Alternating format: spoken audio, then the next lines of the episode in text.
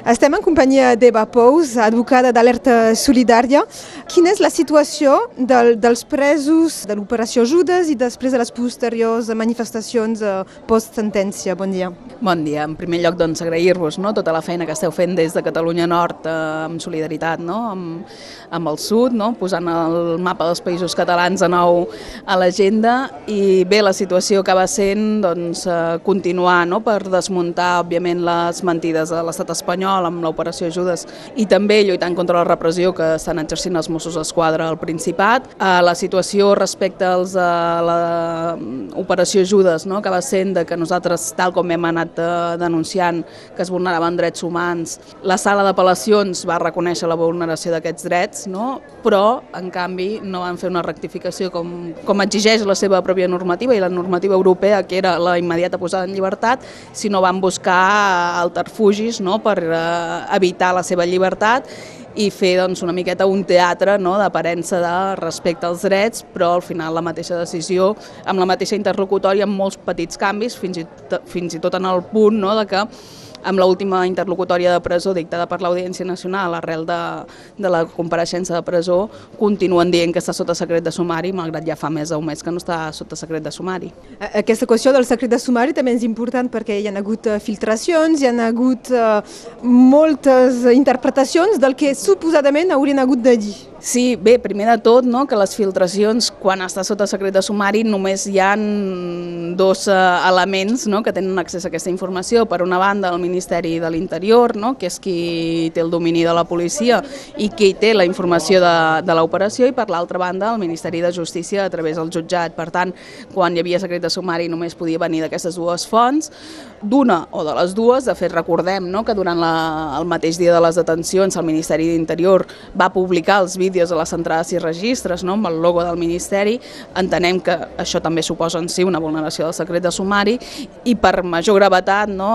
Eh, lluny d'intentar buscar realment qui ha fet aquestes filtracions, el que ens vam trobar és que arrel de la nostra denúncia el, la resposta judicial va ser imputar els periodistes que estaven doncs, donant difusió a aquesta informació en lloc de buscar aquelles persones que realment tenien l'obligació de custòdia i amb un petit afegit més que acaba sent de que, bueno, amb una de les notícies vam poder veure una marca d'aigua no?, que és precisament un funcionari de l'Audiència Nacional. Llavors, eh, és greu per diferents motius. Un, perquè s'intenta calar un relat, no? el relat sempre criminalitzador i que intenta dibuixar no? un principat violent i gairebé alçat amb armes, i per l'altre, avançar un judici social no? que destrueix absolutament la presumpció d'innocència i el dret a la defensa. Intentar lligar-ho amb, amb Puigdemont i familiars de, de la gent que, que, està, que està elegida.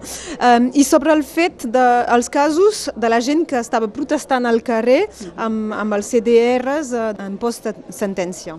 Bé, aquí doncs, tenim per una banda no, eh, el que ha estat fent l'estat espanyol, que és que ja sabem que han obert una peça separada no, de, contra Tsunami Democràtic, és una plataforma o una organització que difon diferents accions de protesta completament emparades amb el dret de manifestació i llibertat d'expressió sota la rúbrica de terrorisme, perquè l'estat espanyol sempre utilitza això doncs, primer per aïllar-ho no? dels uh, jutjats ordinaris i també per buscar una major criminalització. I per l'altra banda no? també hem de denunciar novament la repressió que ve de part de la Generalitat de Catalunya, que per una banda no? parlen d'implementar una república, però per l'altra és la seva policia la que està doncs, disparant bales de foam, uh, colpejant a persones, detinguent-les i enviant-les a, a presó en base als seus propis atestats estats. I vosaltres què necessiteu? Eh, és que si hi ha gent que té imatges d'aquestes de, detencions, com n'hem pogut veure algunes, mm -hmm. penso a, a la Laura Soler que va fer el, la, la volta, per exemple,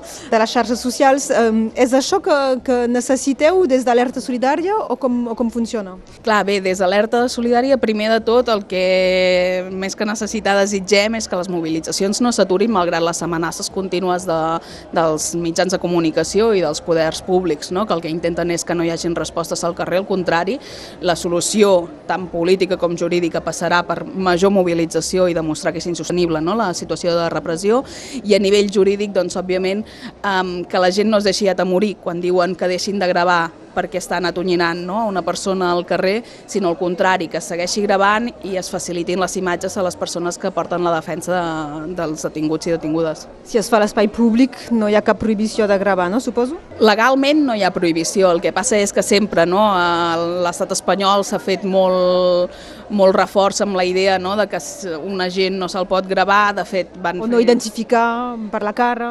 Exacte, no? I, i no, de fet, la normativa que ells fan servir, perquè sí que van introduir un petit canvi, el que és sancionable administrativament, que no penalment, acaba sent que difonguis imatges que posin en risc la integritat dels agents, però en qualsevol cas, i aquí és sempre on fem nosaltres èmfasi, si la gent no hagués gravat les actuacions policials, segurament, no? el cas de, de la mort de Juan Andrés Benítez, no? o el cas de, de Quintana, no? en què se li va buidar un ull, etc etc, haguessin quedat impunes, ja han quedat perquè han sigut sentències absolutòries, són condemnes molt baixes, però no haguessin arribat ni tan sols a judici. Llavors, no? com un deure, encara que ens puguin arribar a imposar una multa, eh, un deure social és, òbviament, gravar les imatges d'abús policial i denunciar-ho. I per acabar, Eva Pous, eh, també hi ha, hi ha hagut la, la diferència de tractament, eh, fins i tot eh, judicialment, amb eh, el tall de la Junquera en funció de si estaven detinguts eh, per la policia francesa o per la policia espanyola. Uh -huh.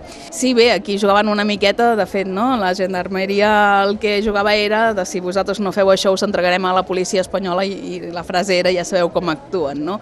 Al final és el mateix, vull dir, han sigut reprimits per les diverses normatives, no? uns per part de l'estat l'estat francès i els altres per com funciona l'estat espanyol.